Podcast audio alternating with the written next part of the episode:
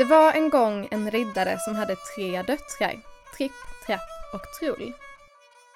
Riddaren reste jorden runt och slogs mot troll, jättar och elakingar.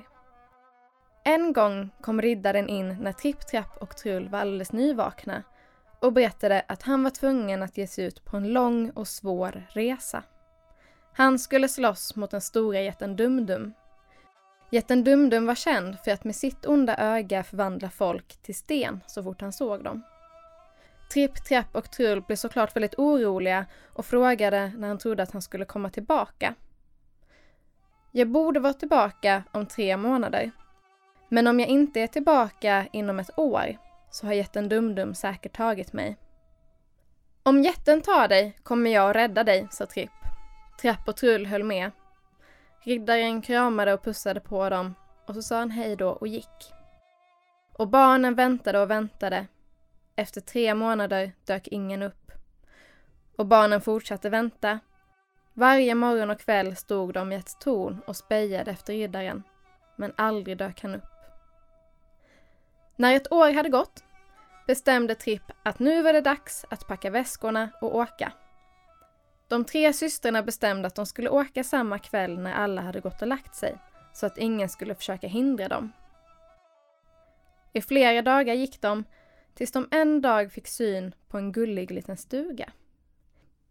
I den gulliga lilla stugan bodde en gullig liten tant. Tanten bjöd genast in dem att äta massor av goda bullar Trull förklarade att deras pappa hade blivit tillfångatagen av jätten Dumdum och nu var de på väg för att befria honom. Tanten tyckte att det lät väldigt obehagligt för hon visste nämligen exakt hur ond jätten Dumdum var. Ni får absolut inte låta jätten Dumdum se er, då kommer han förvandla er till sten. Men eh, om ni gömmer er under det här paraplyet så kanske det kan gå. Och så visade gumman upp ett paraply och hur det fungerade. Systrarna hade aldrig sett ett paraply innan och blev mycket imponerade. Flickorna tackade och så gick de vidare. I flera dygn fortsatte de att gå. Tills de kom fram till en stad. Staden verkade alldeles ödslig och tom. Och de tänkte att nu måste de vara nära. Så de följde upp paraplyet så att jätten inte skulle kunna se dem. Mitt i staden satt en gammal gubbe under ett litet tak. Han frågade vilka flickorna var och de svarade att de var riddarens döttrar och nu var de här för att rädda honom från jätten.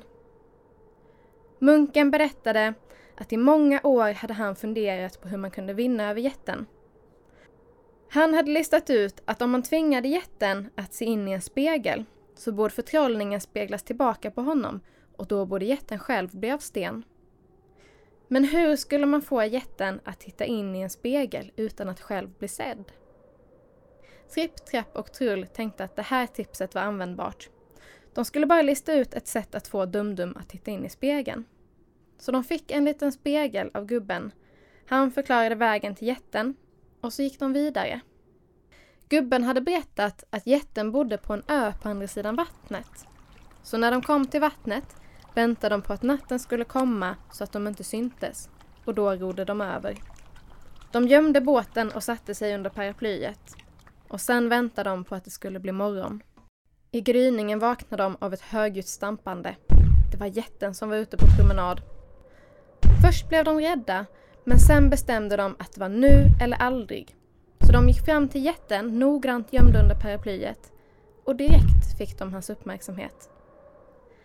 Tripp ropade att du måste befria vår pappa.